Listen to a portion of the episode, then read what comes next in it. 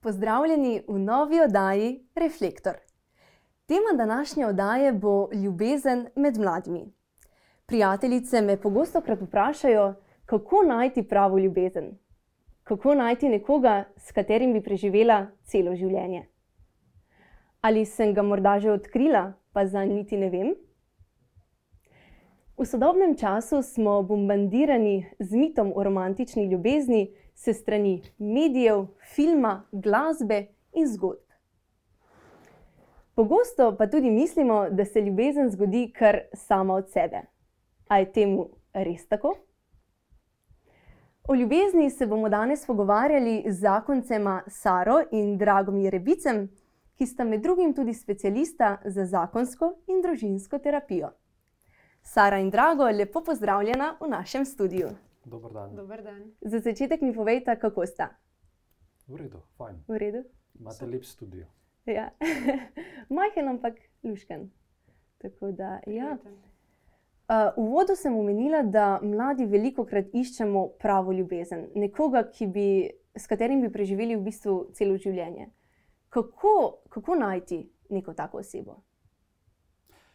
Uh, najprej to je najbolj normalno hrepenenje.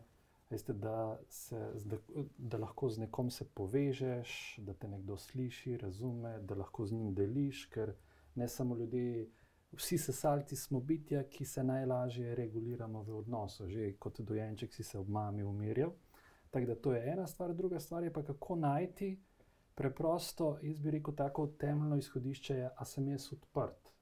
Tako, kot posameznik, tako da sem osebnostno odprt, da, uh, in potem socialno. Ne? A se jaz, ne vem, udeležujem nekih mladinskih skupin, nekih planinskih izletov, duhovnih vaj, uh, prirejam rojstne dneve, mislim, organiziram.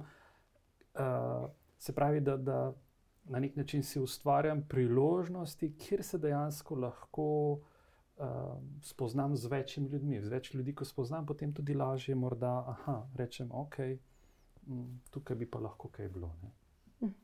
Kako ste se pa vidva spoznala, mogoče vajna ljubezenska zgodba? Se pravi, preko dejavnosti v skupnosti Emanuel je bilo ogromno projektov. In prvič sva se videla na Smučanju, na Mhm. Starem vrhu, Ja?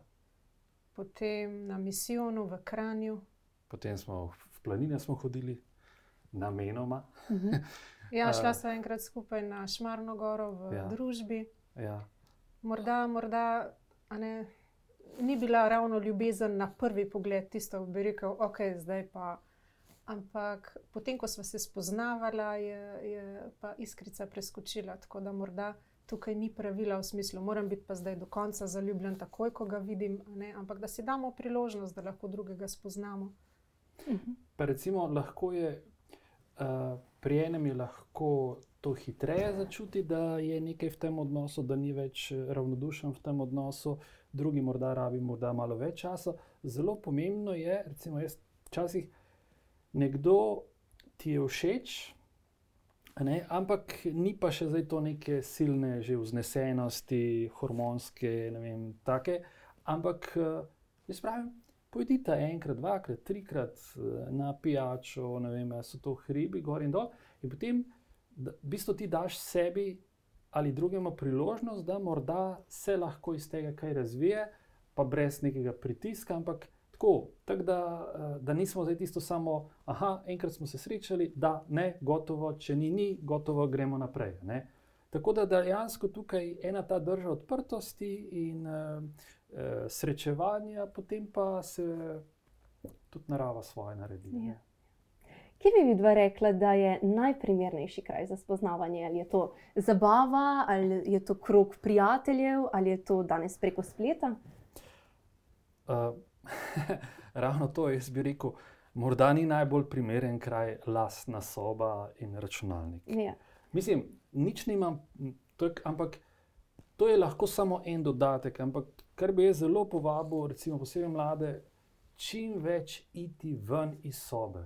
Čim več vseh teh nekih, ali so to mladinski koncerti, ali so to neka mladinska srečanja, čim več teh stvari v živo, seveda, zdaj pa, če pa še recimo, če pa omenimo socialna omrežja, ja, lahko je recimo socialno mreže kot neko povabilo, kot nek prvi stik z nekom, da prideš vem, do prvega srečanja, do prve pijače, ampak potem pa naj to gre v živo, ker sicer se lahko, veste, po spletu si lahko zelo sfriziramo neke podobe in imamo z nerealno osebo, mislim, stik z osebo, v kateri imamo nerealno podobo.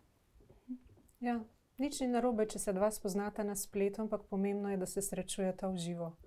Tudi v partnerski terapiji vidimo, kako morda ne vem, se nekdo, nek tujec priselil v Slovenijo pa je bilo prej tako, sta se parkrat videla in bila po spletu zelo aktivna, ampak ko pa prideta skupaj, je pa realno zelo drugačna. Ne?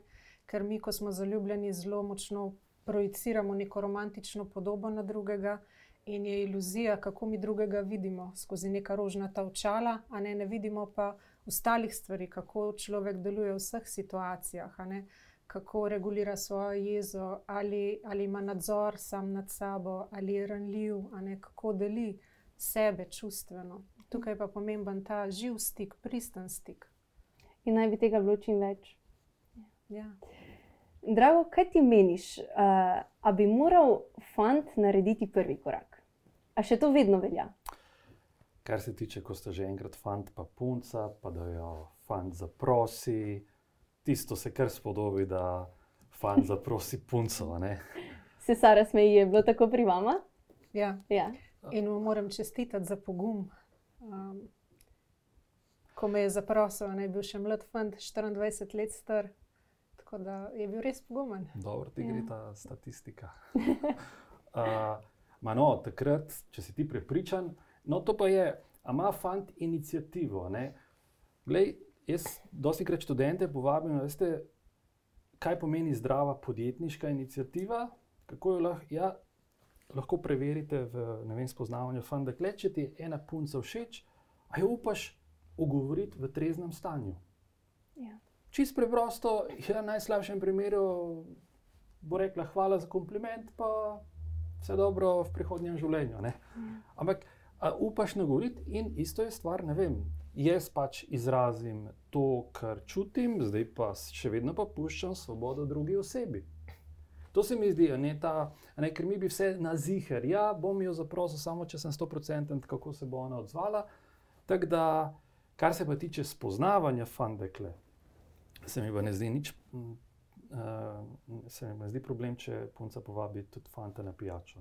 -huh, uh -huh. Ona mu da s tem samo priložnost, da je on potem lahko kakšen kompliment na pijači. Da. Jaz bi tukaj rekla, da ni pravila. Ker včasih sta si dva všeč, pa morda fant ne upa storiti prvega koraka, zato ker ga je strah zavrnitve. In potem vem, se boste srečali čez 20 let in si povedali, da sta si bila všeč, ampak nihče ni naredil nobenega koraka. Tako da včasih ne, je fino tudi, če upa punca malo namigne, ne, da pa je on tudi njej všeč. Tukaj pom, pom, pomembno je, da, da ne moleduje in ne prosi za ljubezen, ampak da ne samo čaka, ampak tudi sama se mečkam bolj odpre. Da mogoče kakšen znak pokaže, ne, da je vseeno zainteresirana, ne, da da neko potrditev moškemu fantu, da ja, lahko ne vprašaš. Ja. Ne v smislu. Koliko otrok ti želiš imeti, da ja. se bo poročila? Ne? To ga bo lahko ja. zelo hitro odbilo. Ja. Pomembno je to, recimo, primer, ona je ekstrovertirana, on je introvertiran. Ali pa on je bolj izogibajoče navezan, se pravi, bolj zaprt, se nazaj drži. Tak fant, pa to za njih upravičilo tem fantom, ampak recimo tak fant, tudi če mu je punca zelo všeč, bo lahko težko naredil. Ne? Recimo, pa kakšna ženska, ne vem. Pet let uh, hodila, ne vem, mu težila, ne vem, in potem bo rekel, ok, naj ti bo in te bom poročil, in potem sta 40 let skupaj. Ampak če ona ne bi tam malo, kako bi rekli, ona prvi korak dala, ne bi, če bi se zgolj nekaj stereotipa držali. Ne? ne, da je to ideal, ampak hočem reči, da včasih lahko te psihološke značilnosti zelo vplivajo na to, kako tudi vstopamo v ta, ta odnos, fandekle, moški, ženska. In uh, bi rekel, fanje, da se mislim, da so tudi, da ste punce, dekleta, ženske, tukaj tudi, ne vem, sproščene. Res pa je, da pa je fajn potem za odnos, pa je fajn, da pa se on tudi bolj angažira. Ker če se pa ne angažira čustveno dovolj, ne govori, bo pa to pol kasneje težava. Kaj je v bistvu fantu pomembno pri spoznavanju punce in obratno? Zdaj, gledite, ok, gotovo. Ne, zdaj, uh, uh, Sliherni fant, uh, moški si bo želel, recimo, ok, a, je, a se počuti v nekem odnosu spoštovan, cenjen. Uh, recimo, potem ne, recimo pri ženskah, govorim stereotipno, morda, ok, a si vzame fant čas za njo, ne vem, moje deli več stvari z njo. Seveda je pomembno, ne vem, tako uh, uh, tudi, ne vem. Uh, absolutno ni fajn, če ga ona kaj veliko kritizira. Uh, fajn mu je, recimo, ne vem, ni nepomemben tudi kako. Pa ne bom rekel toliko zunanji izgled, ampak kakšno, zdaj to je tako čudna beseda, kakšno energijo daje, je ona nekako se sproščeno, si to zaobavila, a se sproščeno počutite v svojih telesih, v tem, kako sta. Sta se nekako, veste, da se nek, na nek način spoprijateljiš sam s sabo, rečeš takšen, kakršen sem, jaz sem čez vredo in potem, v bistvu, potem tudi to sproščenost v odnos znašaš. Uh, zdaj pa problem pa je, zdaj pa jaz sebe moram, ne vem, recimo posebej pri fantih, zdaj moram sebe fizično, ne vem, nekoliko nabildati, ženska mora sebe v nulo zrihtati. In potem dva prideta skupaj in je to lahko prilično nesproščeno. Ne? Fajn je, da damo nekaj tudi na ta zunanji izgled, ampak ne preveč, oziroma ni to edina stvar, ki bi bila pomembna. Ja. Ja. Bojim se pa to včasih. Katoliških krogih, ja, pa se ta zunanji izgled ni pomemben. Poglejmo v naravo, ko se živali, je čas nekega tega telesnega povezovanja. Ja, najlepše perje takrat, eh, pavi pa to se, se nekako odenejo. Ne? Zato se mi zdi, tudi pri ljudeh ne smemo popolnoma zanemariti ta vidik, da ja, ker Včasih je lahko, ja, sploh ni pomembno, jaz bom se zanemaril in to, vse, če me ona ima iskreno rada, potem je to to. Morda to ne govori o tem, nekih krščanskih vrednotah, lahko pa go, bolj govori o neki moji osebni zanemarjenosti. Ne. Kaj pa pri puncah? Kaj puncem pomembno? Ja. Predvsem to, koliko je prostora v njegovem svetu za njo. Sedaj, ne vem, a so bolj pomembni prijatelji, pa nogomet, a si bo čas vzel za njo, a, a je pomembna za njega. Da se ne poroči z mano zaradi mojega avtomobila ali pa mojega premoženja. Ja. jaz, sem imel, jaz sem včasih hecam, jaz sem imel en zarjavet bicikl. Sejko, zaradi tistega bicikla se verjetno ni odločila. Ja, nič ni imel. No, Materialnega, zarjavet bicikl. Okay. Ja. In predvsem to, ne, koliko se je pripravljen pogovarjati, ne, koliko je pripravljen biti ranljiv, pa deliti sebe. To mi je bilo zelo pomembno, ne tudi ženskam pogovor. Ko punca in fant eh, postaneta par, sta ponavadi non-stop skupaj. Čas bi preživela skupaj, ali je to čez vikend, čez teden, in potem zmanjka časa za prijatelje, čas, eh, časa za samega sebe. In kako v bistvu to omejiti, kje je ta meja? Mhm. Zelo normalno je, da takrat, ko smo zaljubljeni, nas čustva prežamejo in si želiš biti z drugim. Ves čas si želiš biti z njim ali z njo, premišljuješ o njem in s tem ni nič narobe. Težava pa nastane, če razmišljaš o tem, da je drugi tisti, ki bo tebe dopolnil in da v bistvu vso svojo veselje in zadovoljstvo iščeš v tem partnerskem odnosu. Pomembno je tukaj, seveda, da ti rasteš sam kot posameznik, da imaš svoje hobije, da se družiš s svojimi prijatelji. Ker če boš vse stavil na, na to kocko, a ne potem na nek način ti osebnostno ne boš rastel. Težava je, če se zdaj zelo zlijemo in od drugega pričakujemo, da nam bo dal maksimalno, da, za, da bo zapolnil neko našo praznino, da nam bo dal vso veselje in tukaj nastane potem težava. Ne, če ti ne skrbiš več zase.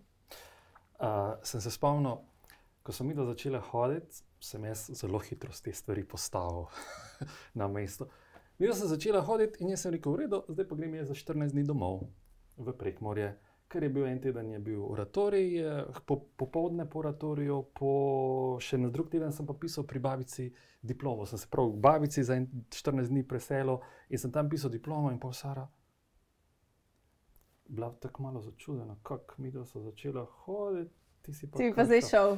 Skratka, hočem reči, zelo pomembno je, da začnete fant in punca skupaj hoditi, ne, naj ne opuščata socialne mreže ali pa dejavnosti, v katere ste že vključeni. Se pravi, ne vem, jaz v kakih mladinskih skupinah, pevskih zborih, takih in drugačnih stvari, zato ker je to je dosti krat problem, če opustimo drugo socialno mrežo. Ne?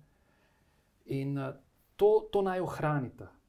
Super je odnos, ampak tudi naj ohranite še to, to socialno mrežo ali pa dejavnosti. Ampak na začetku, ko, ko, ko tista iskrica preskoči, je normalno, ne, da si želite biti in ne pogrešate družbe ostalih sovrstnikov. Ne. Kaj pa, če se zgodi, da se, mislim, zgodilo se bo, ne, da se bo sta fant in punca kdaj pa kdaj tudi skregala? Ne? Kje je ta meja, kako ublažiti to, ta prepir? Jaz bi tukaj rekla, ne, da popolnoma normalno je, če se dva skregata. Iluzija je, da si vedno zaljubljen in da se nikoli ne skregaš. Ker če se ne kregata, potem je morda nastane težava, ker se bo nekdo vse čas prilagajal iz strahu, da ga drugi ne bi sprejel in bo svojo jezo dol tlačil. To se kasneje vidi zelo v družinskem sistemu, ko otroci skasirajo to jezo in potem imamo um, pestro v družini lahko. In seveda, teorija pravi, ne se zdaj prepirati kasneje pred otroki, ampak mi vemo, da v realnosti ni tako. Dva prihajata iz lastne družine, ker imata različne osebnostne izkušnje, in normalno je, da na eno in isto stvar gledata popolnoma drugače. In prepir pomeni, seveda, o nečem se ne strinjava in se morava pogovoriti. Zdaj, če dva lahko prepir rešita na način, da se pogovorita, ima to omogoča potem, da rasteta v odnosu, da se bolj povežeta. Je pa tukaj seveda pomembno, da ni visokih tonov, da ni uh, grdih besed, da ostane na nivoju spoštovanja in seveda, da se nekdo ne užali v smislu, da se noče več pogovarjati, ne tukaj je težava. Pomembno je, če pride do nestrinjanja, da sva se sposobna pogovarjati v nekih obladljivih tonih, v spoštljivih tonih in pripeljati stvari do konca. Koliko je v bistvu v prepir uh, dovoljeno vključiti tudi starše ali pa druge ljudi, prijatelje? Kaj, a, a bo to pomagalo ali samo še pokvarilo situacijo? Okay, zdaj je recimo primer. Uh, tudi pol, ko sta dva poročena in to. Zelo fajn je, če ima ona prijateljice, če jaz imam prijatelje, ampak to zelo zaupne ljudi, ki znajo stvari za sebe. Zelo dobro je, če se en ali drugi s svojimi starši zelo dobro razume, in super je, če nekdo ima ta, ta luksus, da lahko s svojim očetom ali svojo mamo stvari tudi kakšno stvar, da je reče. Je pa problem, če se ti ljudje potem, kako bi rekli, ne ostanejo neutralni, ampak začnejo to posegati noter. Ne. Se umešavati. Ja, primer, ne vem, dosti krat je tako, ne, recimo zdaj morda par besed o terapevtskem delu. Jaz včasih uh, si imel veliko spari delam in potem recimo on naredi eno tako grdo stvar, ali je to nasilje, ali zasvojeno, sprevara, karkoli, in potem so vsi njeni totalno ogorčeni in ji dajo podporo, kar je super. Ona išče podporo in oni ji dajo podporo, se pravi, družina. Potem se pa ona dva pobotata. Kaj pa pol postane? Pol postane ta družina uvira pri tem, da bi ta dva zakonca ponovno skupaj bila. V smislu, a ja, prej ko, ga, prej, ko si rabila podporo, smo ti jo dali, zdaj si nas pa izdala, ko spet z njim sodeluješ. Zato je tako rekel, če sem jaz prijatelj, pa zdaj nekoga poslušam, ali lahko jaz samo poslušam, ne dajem nobenih sod. Če sem jaz starš, ali lahko svojega otroka, odraslega otroka, samo poslušam, ne dajem nobenih sod in se ne vtikujem v zakon dveh mladih zakoncev. Ker tukaj je bistveno, da vemo, ko pride do prepira, ne glede na to, kakšna je vsebina, ali je zaradi denarja, s kom boste preživljali čas, koliko se razumete ali ne. Ne gre se za vsebino, kdo ima prav, da bi ti potem še nekdo od zunaj potrdil, ampak bolj za to, kaj ona dva ob tem čustveno doživljata, katera potreba je spodaj, ki ni zadovoljena. To pa lahko skomunicirata samo ona dva čustveno med seboj.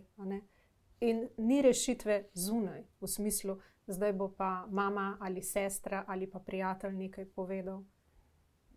Kdaj pa je potem takem pravi čas, da eh, ko dva začneta hoditi, da spoznata eh, starše?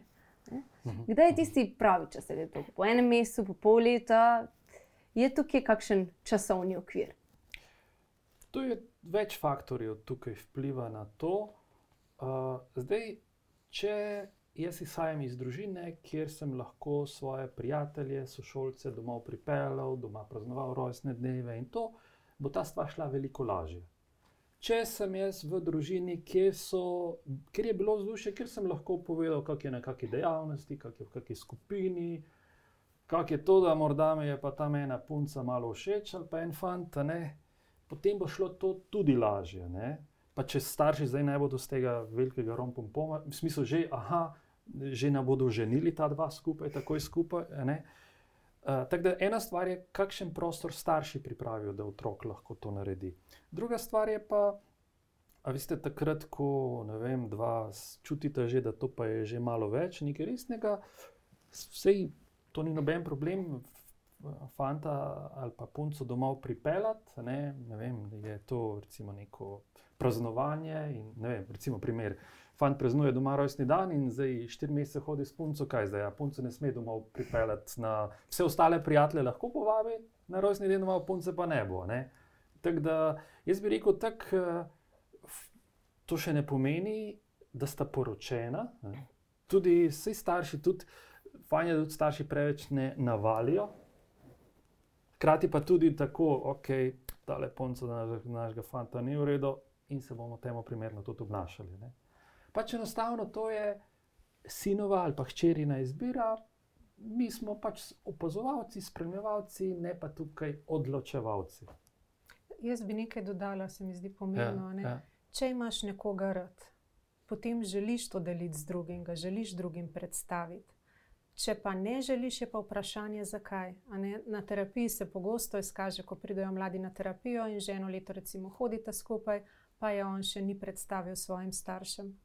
In je treba tukaj videti, ali on resno misli, se je resno odločil za njo. Um, kje sta, lahko o tem govorite, kako se ona ob tem počuti, če on še ni predstavil. Mhm. To se mi zdi zelo pomembno, kar, kar je Sara rekla. Če jaz ne želim svojim prijateljem ali pa staršem predstaviti svoje punce, svojega fanta, zakaj tega ne želim? Ali mi je nerodno, ali kaj skrivam, ali nisem dovolj resen, sem že tako zelo negotov. Ne? Tak da... Mogoče se pa boji odziva staršev. Ne? Tudi starši ne malo krat ne sprejemajo ja, ne, ja, ja. fanta ali pa punce. Kaj pa v tem primeru? Fajn je potem eh, pripraviti ta prostor doma. Jaz se spomnim, eh, ko je Sara prvič prišla k nam domov. Pa to je bilo, ja, ne, se ti si pol prišla, ok. Pa jaz tam pridem domov z oratorija. Se ne vem, kakšno je bilo točno vse zaporedje, ampak pridem domov z oratorija, vidim tam moja mama, sestre, to fulpucajo, vse nekaj tako. Pa jaz vprašam mlajšo sestro, ja, kako pa je, ja, se pa peče se ful, sred tedna. Ne. Ja, kaj ka pa, ka pa jaz? Ja, se veš, Sara bo prišla. Se je, ok. In malo me je skrbelo, kako bo to moja mama odreagirala, pa jaz to mojemu očetu rečem. Ne, prav to hočem reči. Jaz sem mojemu očetu rekel, ti malo me tole skrbi.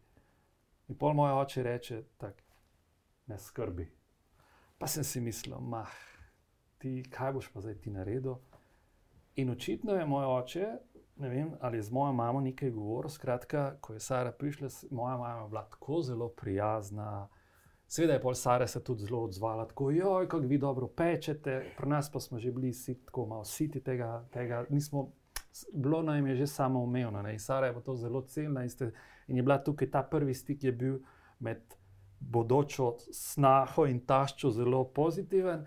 Hočem reči, izraziti staršem skrb, malo me skrbi, kako to le bo. In, dragi starši, lahko za me poskrbite, za me, za vašega sina ali pa za vašo hčera. Je pa tukaj tudi na mestu, da se posameznik vpraša, če starši ne sprejmejo, ne, da tu ne govori toliko o njihovem partnerju, fantu, punci, ampak bolj o tem, da starši v bistvu ne sprejmajo njega ali nje. Mhm. Ali pa se mogoče za otroka bojijo, da zdaj pa mi ga je nekdo vzel, ne? zdaj ne bo toliko pri nas, zdaj bo šel drugam odraščati je začel. Pol pomeni, da gre za neko čustveno zlitost, ki ni zdrava. Narava, narava je pri starših, da si želijo, da gre otrok od doma, da ga pospremijo v svet. Zdaj, če pa ti želiš, da otrok čustveno skrbi zate, Temu rečemo strokovno tudi čustveni incest. Ko recimo mama sina ali oče hčero ali pa tudi istega spola starš navleče toliko močno na sebe, da ne pusti, da gre in takrat se to vidi na način, da ne sprejmejo tudi partnerja. Skratka, sinovo ali hčerino izbiro bo treba spoštovati. Ne pomeni, da se starši morajo strinjati, morali bodo pa spoštovati. Konec koncev so oni tega sina ali pa to hčer vzgajali. Skozi pogovor sem ugotovila, da se je v zvezi potrebno prilagajati, nedvomno, iz obeh strani. Zdaj, kje je ta meja te prilagodljivosti, da en reče: Stop, zdaj se ti pa ne bom več prilagajal, zdaj bo pa po moje, ne zdaj bo pa po moje, in pol preide v nek prepir. Kje, kje je ta meja prilagodljivosti? Mhm. Pomembno je, da razumemo tukaj, ne, da ta sistem daš, da ne deluje v smislu, da se tebi tukaj prilagodim, ti se meni tam prilagodiš, ampak je vedno pomemben pogovor. Zdaj, če so neke stvari, ki me čustveno zelo močno vznemirjajo in se jaz prilagodim, zato ker me je strah, da se ne bi skregala, potem je to težava. Ker nikoli se ne gre za to, kdo ima prav v odnosu, ampak kaj čutiva in doživljava, in ali so sposobna to skomunicirati. Pa, veste, o enih stvarih delamo kompromise, o enih stvarih se pa ne dela kompromisov. Ne? Uh, recimo, kompromisov se ne dela. Ne vem, ne vem, on je enkrat njo prevaral, zdaj pa še ona lahko enkrat njega.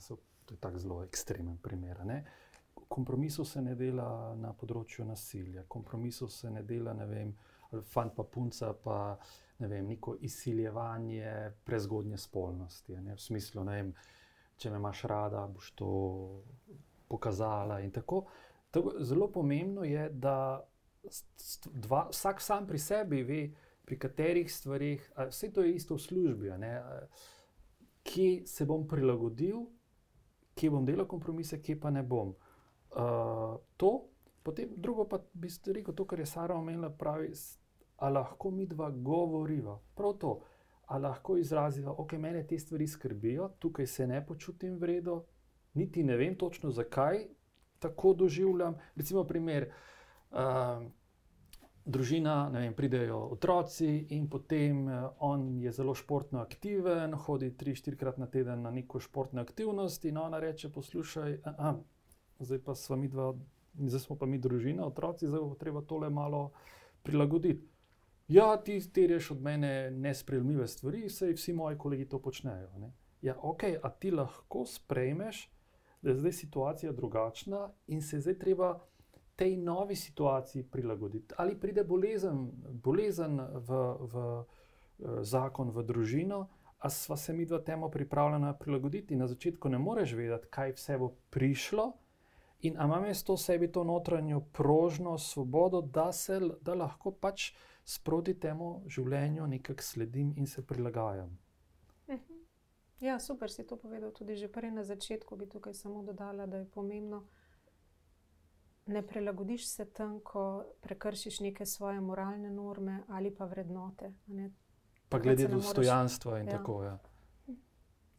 K odnosu tudi nedvomno spada uh, spolnost, uh, fanti in punce se privlačita. Kdaj je tisti čas, tisti časovni okvir, da zdaj pa se lahko prepustim tudi uh -huh. takim občutkom? Uh -huh. uh, Jaz sem včasih imel delavnice po osnovnih šolah, srednjih šolah in potem že tam pet ur, ko so bili že zelo naveličani. Pa se neko vas kaj zanima, odnos fant-punco. Ja, in potem si jaz, ok. In potem sem ponovadi sem rekel, ok, imamo primer Miha pa Manca. Ne? In zdaj, če sta ona dva fant pa punca, ne vem, kaj je zdaj 15, 16, ne vem koliko stara in se zdaj sprehajata, ne vem, v Ljubljanici ali v Dravi ali v Muri, kjerkoli. In kaj si zdaj ona dva želita? Ne? In potem sem rekel, ok, si želite, da se v oči gledata, da se za roke držita, da tistega kužeka sprehajata, ali pa si ona dva želita, da na tistem sprehodu naštudirata, kdaj je, pri katerem prazna hiša, stanovanje, da lahko gresta k njemu ali k njej doma. Potem sem ponovadi punce pa fante spraševal, kaj menite, kaj si želi Miha, ne? scenarij A, B, C ali pa punce. In potem je ponovadi tako najeslo, da, fa, da fanti so glasovali, ja, tam, kjer je malo več tega telesnega stika, punce pa, ko je to pogovarjanje, zrenje v oči. Vem, jaz tako punce vprašam, kako zdaj je. Ne? Zdaj punce ste rekli, da še ne, fanti je bi, kako zdaj tole, ali bomo kompromis tukaj naredili ali ne. Potem pa jaz rečem tako, sviko, pa dajte punce reči, no, fantom, kdaj pa potem pride ta čas, ko še pride do telesnega stika. Ne? In pa malo gledajo, se neko, ok, je pomembno, da se da fant spoštuje punco. Ja, seveda. A je pomembno, da mu lahko zaupate? Seveda. A je pomembno, da je odgovoren? Seveda. Pa sem rekel, pa še take stvari. Rekel, ja, koliko rabite to? Rabite en teden, 14 dni, da se poznate. Da to. Kje? To rabimo dve, tri, štiri leta. Ne? In ponovadi sem jaz ta pogovor tako pelal, da so sami prišli do, neče, do, do, do nekih odgovorov, v smislu, da pride do tega, ne, mislim pa, kakšne so lahko tudi posledice, ne, da dejansko so sami prišli, da to ni gre čez noč. In potem dejansko.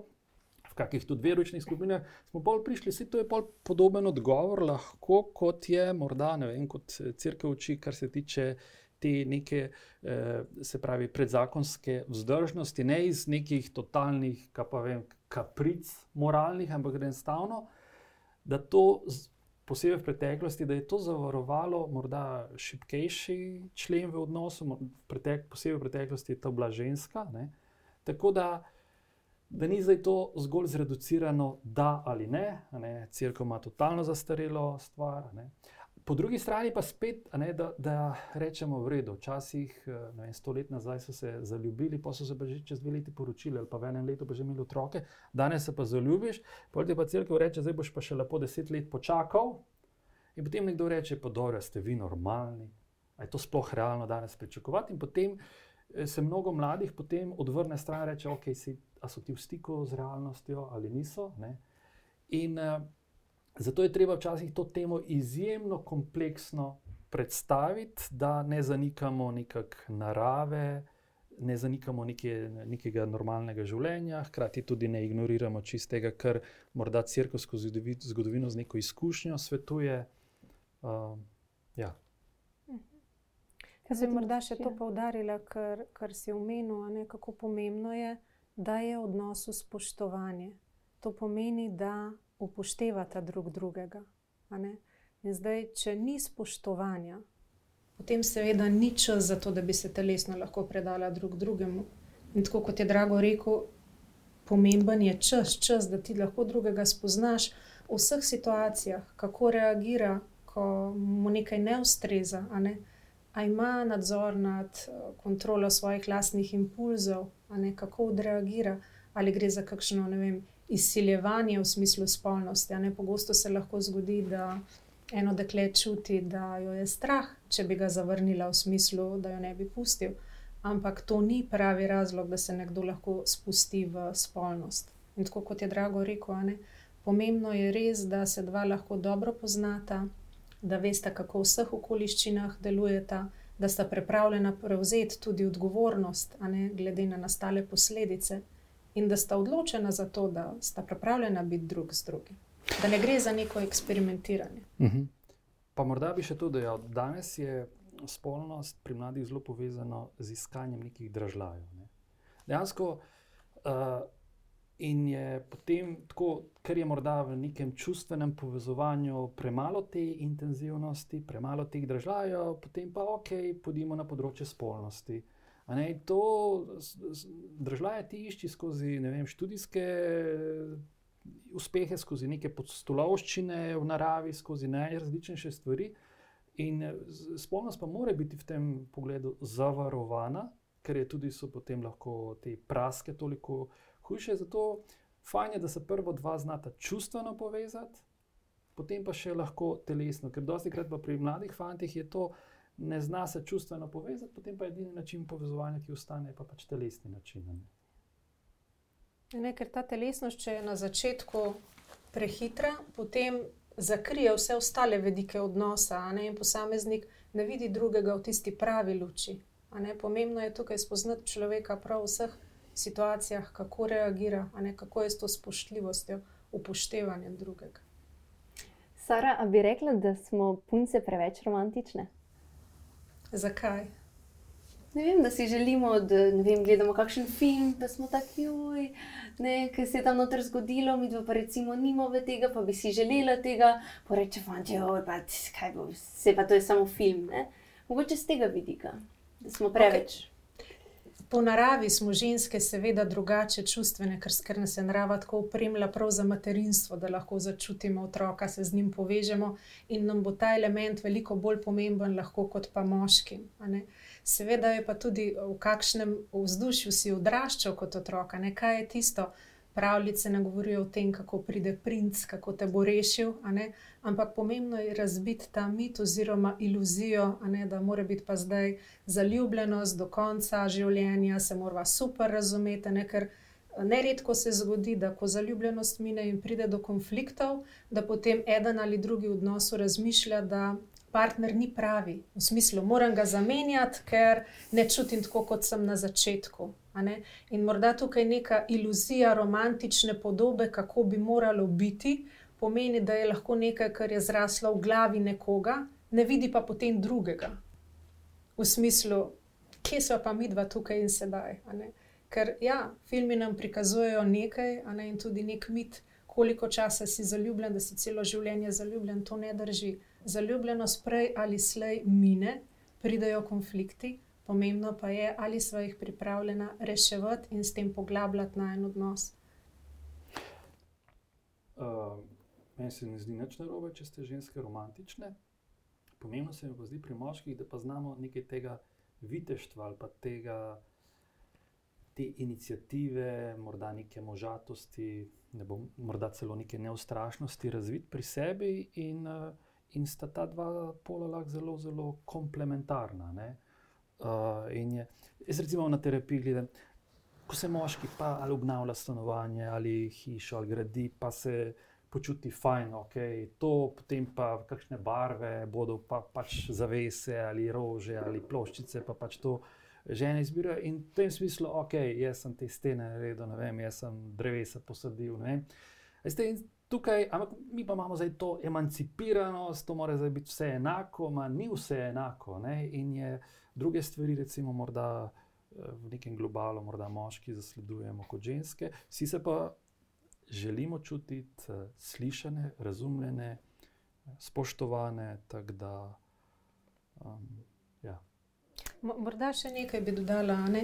Če, če razmišlja ena punca, ne, kako bi moralo biti v mhm. odnosu, in ima neko romantično podobo in predstavo, in potem, seveda, fant pa ni tako romantičen, ne, in ne nosi rož, in ne piše pisem. Ne, e, se zna zgoditi, ne, da v bistvu je ona v, nek, v neki fikciji v glavi, kako bi moglo biti, in je potem lahko vse čas nezadovoljna, ne vidi pa za res fanta v tem, kakršen je je lahko on romantičen na zelo drug način, a ne samo, da so njena pričakovanja, bomo rekli, takšna, kot uh, potem obremenjujejo lahko zelo močno odnos.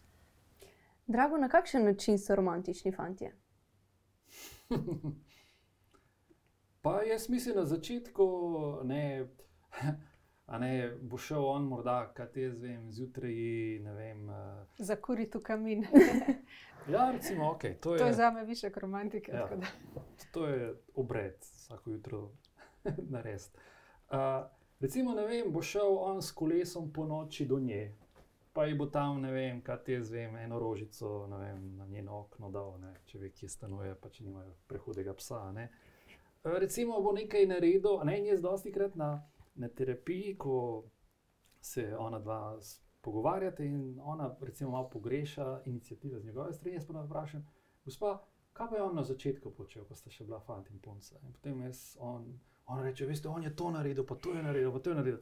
Sigur, gospod, sorry, to, kar ste obljubili v začetku, bo treba 50 let. Pelet naprej. Ja, ja. Ker s tem ste jo dobo, ne? oziroma ona vidi, da vi to imate, s tem ste jo tudi očarali in bo treba te stvari negovati. Problem pa je, če pa zdaj to uh, moško inicijativo, ženina kritika, uh, začne bremzati. Ne? Zato bi kot moški zelo pomembno, da to inicijativo ohranja in da te stvari ne dela samo zgolj zaradi nje, ampak zaradi sebe, ker je a meni to, kar recimo lahko naredim za ženo, ali kar naredim za otroke, ali kar naredim za okolico, a meni to, ali pa v službi, kar naredim, a meni to izpolnjuje. Ne? Ker sicer je, boš vedno sam nezadovoljen, ok, a so ti ljudje dovolj za me naredili, ali je ona dovolj za me naredila. Uh, da enostavno stvari delaš se, iz sebe, in zdaj to je lahko tudi, ne vem, je kakšno tako romantično presenečenje. Res je pa tudi tako, veste, uh, različne jezike ljubezni imamo. Ne? Nekdo bo jezik ljubezni za nekoga darila, pa ne vem, čas. Za, ne, za marsikaterega moškega bo morda jezik ljubezni usluga in potem bo skozi neka dejanja to ljubezen izkazoval njej, ona bo morda spet na svoj način. In tukaj je dobro, da se tukaj znata. Fanti, dekle, mož in žena, malo uskladiti in videti, da jaz njen jezik govorim in ona moj jezik ljubezni govori. In se med sabo dopolnjujete. Ja, se mi zdi pomembno to, kar si zdaj rekel, a ne poudariti. V bistvu, če se želiš imeti lepo v odnosu, je pomembno, da razmišljaš, kaj boš ti drugemu dal. Ne? ne toliko, kaj boš od drugega prejel. Ker če ne si lahko vse čas razočaran, ker pričakuješ, kaj vse mora fant narediti za te ali pa punca za te. Če pa razmišljaš o tem, kaj je drugemu pomembno in kaj jaz lahko za njega naredim, pa pomeni, da ga nosiš v srcu, razmišljaš o njem, nekaj pozitivnega gojiš vse čas do drugega. Kaj pa, če punce dobimo, recimo, včasih občutek, da preveč dajemo in ne dobimo toliko nazaj? Tukaj je pomembno, da se jaz vprašam, ali, ali to drži, ali je to res. Ali je to samo v moji glavi? Ja. ja. ja. Okay, če, če, ja. če, če smo v tem prepričanju, potem se z nas zgodi, da nas ni v odnosu, nas v odnosu v smislu, jaz vse čas razmišljam, kaj jaz vse za njega naredim in koliko premalo on naredi za me. In potem začnem razmišljati, kaj si on misli v meni, ali si sploh misli v meni, in se zna zgoditi, da jaz začnem živeti v njegovi glavi. Um, in sem potem sploh nezadovoljna, v bistvu mene pa sploh ni tukaj v odnosu, da bi se znala povezati, da bi začela skrbeti za resničen odnos, ampak sem v glavi in sem lahko razočarana in mi je težko, ampak je v bistvu to moj problem. Ker pogosto mi želimo pri partnerju popraviti neke stvari, ga izboljšati, ampak to je naša lastna projekcija. Partner nam bo vedno nastavil ogledalo in tisto, kar me pri njemu moti ali pa kar mislim, da pogrešam, je en manjko, ki ga imam sam, sama in se je potrebno zazreti vase. Jaz bi dodal k temu, če ima ona občutek, da preveliko daje, malo pa dobi je pa čist, veste, ni, ni problem, če ona pride do njega in reče: Glej, jaz, bi, jaz pa pogrešam, malo mi je tako malo. Mi je neprijetno, malo sem žalostna, pa malo neslišena, in bi si želela to in to in to. In prvič, da ona pri sebi jasno artikulira svoje želje, potrebe, da to z njim deli. Druga je pa, če pride do njega, pa ga začne kritizirati v smislu, ti si tak, pa tak, pa veš, on miha, pa naredi vse to, to in to ki mi je e, njegova manjka rekla, kaj vse on naredi za njo. Ne? Potem pa tukaj se ta moški ne bo ukvarjal s tem, kaj bo naredil, ampak s tem bolj tako, ok, spet me kritizira, ok, se še to, kar naredim, je preveč. Zato ja. je tako govoriti, s tem pa bo morda tudi on dobil nek, nek vzorec, aha, da bo tudi on jej začel morda malo več pripovedovati. Pomeni, Fajn je čim več teh eh, ne vem, nekih naših potreb, želja, doživljanj dati na mizo, se pravi, narediti te stvari transparentne, da lahko drug z drugim delita. Uh, to recimo, če recimo primer, tam v terapiji, kjer do te točke prideš, da dva si začneta, tam ta dva bosta zrihtala sama vse pol naprej. Mm. Morda še to, ne, ko razmišljam, pri sebi, da preveč dajem, a ne vprašanje, ali drugi na tisti strani želi tisto, kar jaz dajem. Ok, super. Ja, ja, ja, ja. Uh, ker... Recimo, primer. Si darila podajamo. Ne? Nekdo bo rekel, super pri darilu je, kako je to zavito, kakšne vse rožice so gor nalepljene. Njega bo zanimalo, kaj je v darilu. Njo bo pa zanimalo, mislim, a si rožice gor na lepo ali ni. Koliko si se potrudil. In je, in je lahko čist brezvezdni nesporazum, pač, aha, in pol čist, aha, ona rabi rožice, gor na darilo zalepljene. on pa rabi bolj vsebino. Ne? Mislim, Ja, vse ona se ja. tudi veseli tega. Ne? Ampak Tako, taki ne, nesporazumni, ko noben ni nič kriv. ne. Ja, lahko bo tudi on za njo ogromno nekih stvari naredil, ki pa njej sploh niso pomembne. a ne. In je pomembno, kaj pa tisto, kar si pa ona zares želi. Morda ne vem, se prijeti za roko in iti čez Ljubljano na sprehod. a ne. Včasih so pa te malenkosti res tiste najpomembnejše, ne? da v tebi spet spodbudijo tisto zaljubljenost od začetka, se meni zdi. V bistvu, jaz bi morda, uh, da ne bi, tam ko sta dva, deset let skupaj, dvajset let skupaj, tak, takrat morda o zaljubljenosti več ne govorimo, ker zaljubljenost je, dokler dva idealizirata drug drugega, Uh -huh. dokler se vidita v superlativih, ker ko pa, ko se prvič skregata, potem več ne vidita v superlativih, se ne, potem pa bi rekel, prebudita eno to naklonjenost, poglavljata naklonjenost, poglavljata neko eh, medsebojno ljubezen, vzajemnost, povezanost, kar je, bomo rekli, to, kar je v začetku zaljubljenost, pol more kasneje priti v to medsebojno naklonjenost, pripadnost, povezanost in vse te stvari, gledajte, ponavadi spet dva skregana zakonca. Pomeni, če pridemo do tega, da si ona dva začneta malo deliti, kaj doživljata. Potem pa še druga stvar, da pa še kakšno naklonjeno stvar drug za drugega naredita. Ja, je skoraj da nemogoče, da se ne bi malo neke naklonjenosti prebudilo. In zdaj tam, ko dva to nekako se odločita, da bosta to nekaj časa počela, je neizbežno, da bo spet malo lepše. V zvezi prihajajo, prihajajo tudi pogovori o poroki. Kako v bistvu, če si punca želi poroke, kako to željo izraziti, povedati svojemu fantu? Kako priti do njega, ja, pa ja, reči, ja. jaz bi se pa rada poročila. Uh, mi, glej, uh, uh, uh, Miha je pa manjco zaročil, zaprosil, pa Tomaš je silvo zaprosil. Ok, jaz si razumel. Okay, to je malo v hecu, ali pa recimo primer. Ko sem videl, da se je spoznala ne, v katoliški skupnosti, Emanuel, tam je bilo veliko parov, ki so se zaročili, se potem poročili. V bistvu sem videl to. Ne. Jaz se spomnim, smo šli enkrat v Altöting, jaz sem tam tele, recimo, moške, ki so bili stari kakih 5-10 let starejši od mene.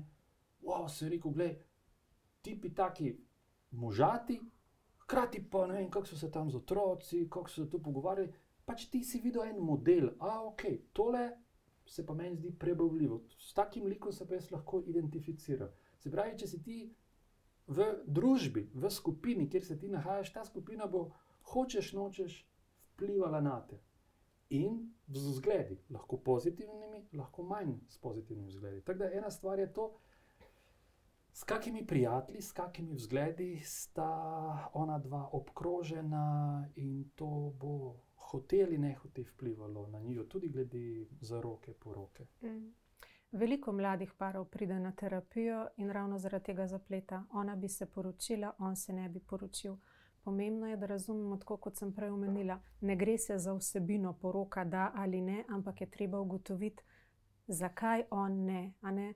Lahko da sta, ste sta, sta se starša razvezala, da je bilo grozno in je v njegovi intrapsihični podobi zakon pomeni prepiri, kregarija, naporno in si želi, nezavedno, ne da o tem razmišlja, in si želi drugačno zgodbo ustvariti v smislu, če se bom poročil, potem bom šel po istih stopinjah, kot sta, kot sta šla starša, in ne bi šel. ne. Treba je ugotoviti, zakaj nekdo ne želi se poročiti. Recimo, ne. Lahko je tudi strah, strah pred tem, um, kaj, kaj bo ta odnos prinesel. A, ne? a me drugi dovolj ljubi, ceni, si želi biti z menoj. a Ne? Lahko strah pogosto botruje temu, da se nekdo ne more odločiti. Ne? In je pomembno, da raziščemo, kaj so razlogi.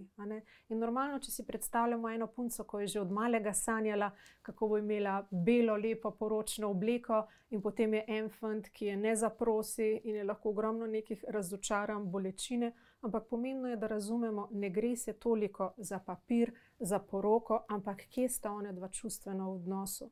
In to hitro potem na terapiji pride na površje in se potem ljudje hitro lahko odločijo. Jaz bi pa spodbudil mlade, ki o tem razmišljajo. Ne, bi pa rekel, uh, včasih se kdo, ja, moja dva starša sta razvezana, kako zdaj to poroko speljati, ali pa žlahta skregana. Pa.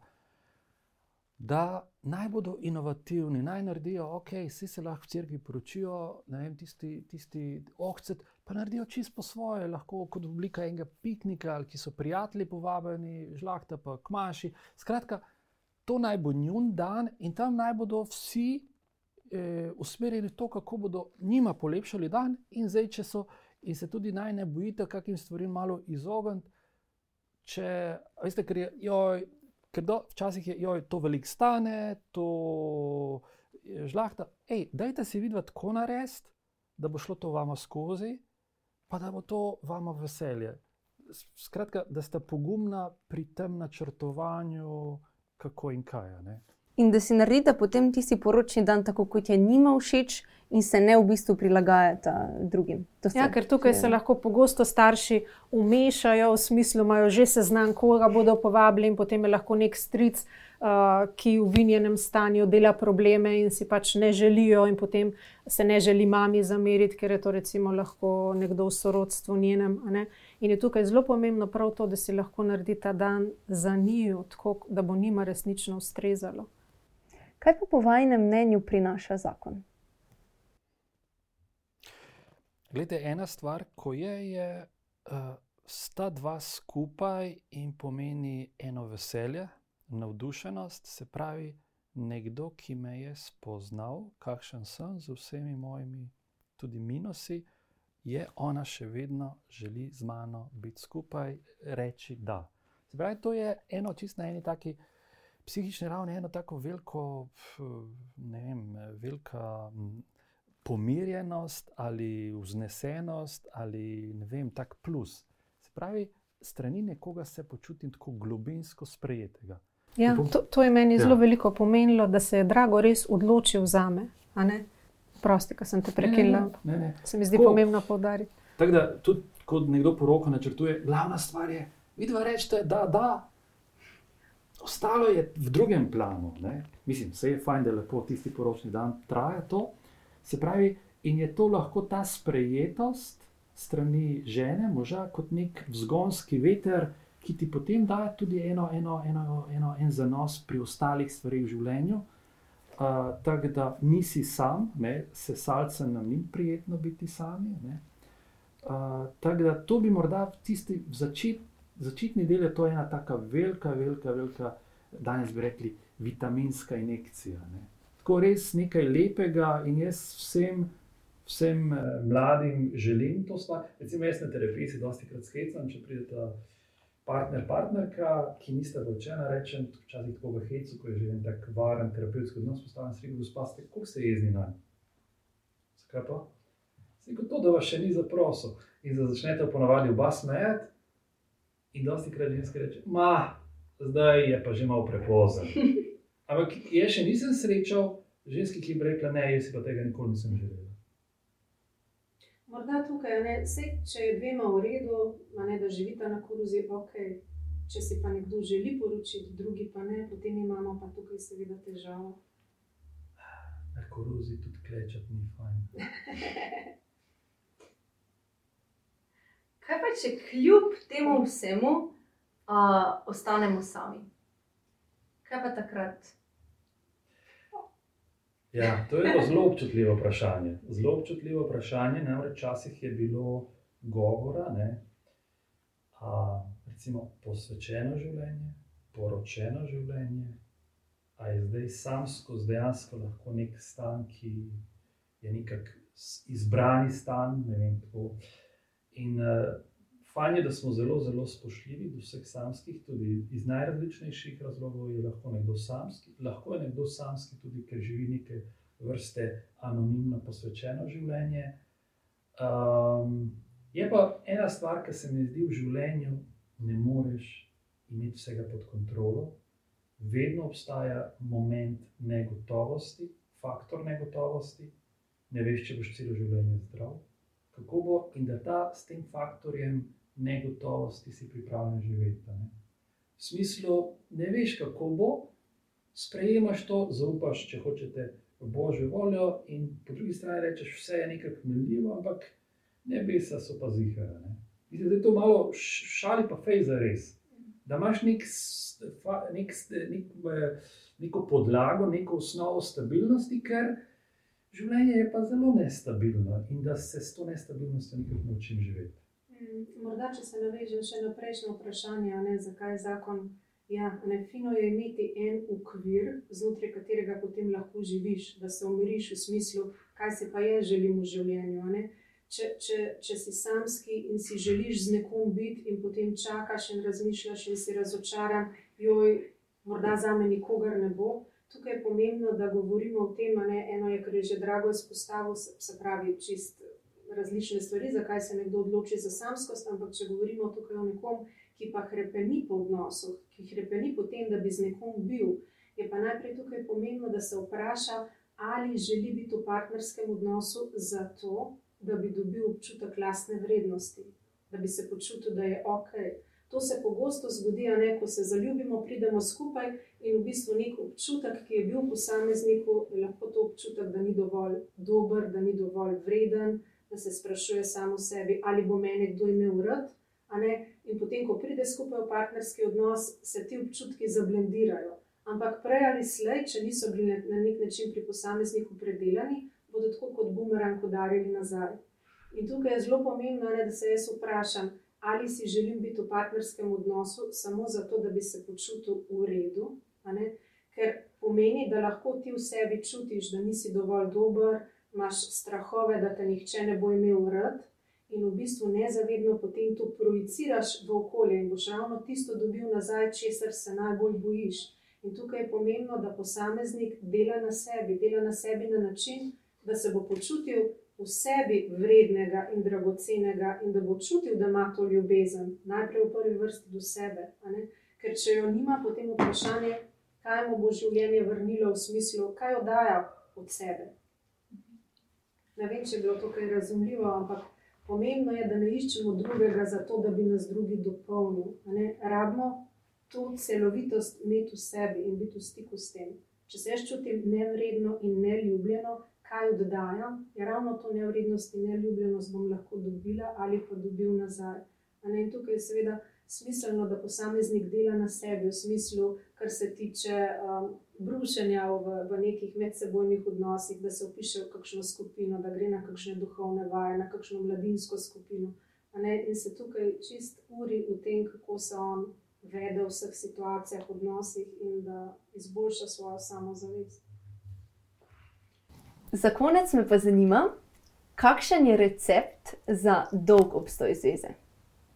Mogoče, če izhajate iz sebe. Uh mhm. -huh. Jaz bi rekla pogovor, pogovor in še enkrat pogovor. Pogovor vsem, kar čutiš in doživljaš, pogovor vsem, kar te vznemirja. Tvegati, biti ranljiv, tudi takrat, ko ti je težko, deliti svojo bolečino z drugim. Uh, razmišljam, koliko sem jaz lahko merodajno objektiven. Zdaj, zdaj, če si kot terapeut, itek non-stop se s temi stvarmi poklicno že ukvarjaš. Ne? Uh, zdi se, ja, in pol zaradi tega se potem že moraš pogovarjati, si na te stvari morda pozoren, se to ne pomeni, da se ne skregaš, nimaš težav. Tako. Zdi se mi zelo fajn, da prvič si obkrožen z ljudmi, zakonske skupine so zelo fajne. Se pravi, da si obkrožen s prijatelji, ki se tudi za podobne stvari trudijo. Potem pa prav to, da se naučiš v odnosu posebej moški, da se naučimo tega, da kaj povemo o sebi. Ker je, veste, na začetku misliš, vse ženske ste bolj intuitivne, to že kar začutite, vse veste o nas, ne veste in moraš povedati. Tudi če nisi tega bil naučen. Tako da, če se to naučiš, potem, če je kaj narobe, da ne greš v pretirane napade ali v pretirano, oziroma umikanje, muljenje, uh, namesto tega pa greš v odnos, se pogovarjaš, potem je ta odnos veliko, veliko lažje eh, živeti. Pa morda tako, če se medosebni most malo poškoduje, pomembno je vedno znova obnoviti. In to naredimo s pogovorom. S pogovorom, z upravičilom, z zanimanjem za drugega. Če pa ne gre, pa tukaj vedno na mestu, ne poiskati strokovno pomoč. Da ugotoviva sploh, kje smo se zapletla in da se lahko razpleteva. Včasih se zgodi, da pridajo pari in rečejo, nič več ne čutim do njega ali do nje. Takrat vemo, da je bilo v njunem odnosu toliko neke bolečine, da se je psiha zaščitila pred tem, da ne čutijo več te bolečine, ampak na drugi strani potem ne čutijo niti veselja, vznesenosti in radosti. A ne pomembno je, da mi te obrambe na nek način damo stran in pogledamo tisto, kar je ranljivo, in si lahko to podelimo. Potem, ko se pa ponovno čustveno povežeta, pa seveda ni več težav. Sara in Drago, najlepša hvala za iskrene misli in za prijeten pogovor. Ekipa Reflektor vam želi vse dobro na vajni skupni poti. Hvala lepa za povabilo. Hvala, meni je bilo zelo prijetno v tem pogovoru. Men, meni tudi. Dragi naši poslušalci, hvala, da ste bili z nami, da smo prišli do konca. Spremljajte na, na, nas na našem YouTube profilu, Instagram profilu in našem Facebook profilu. Ostanite zaljubljeni in se gledamo k malu.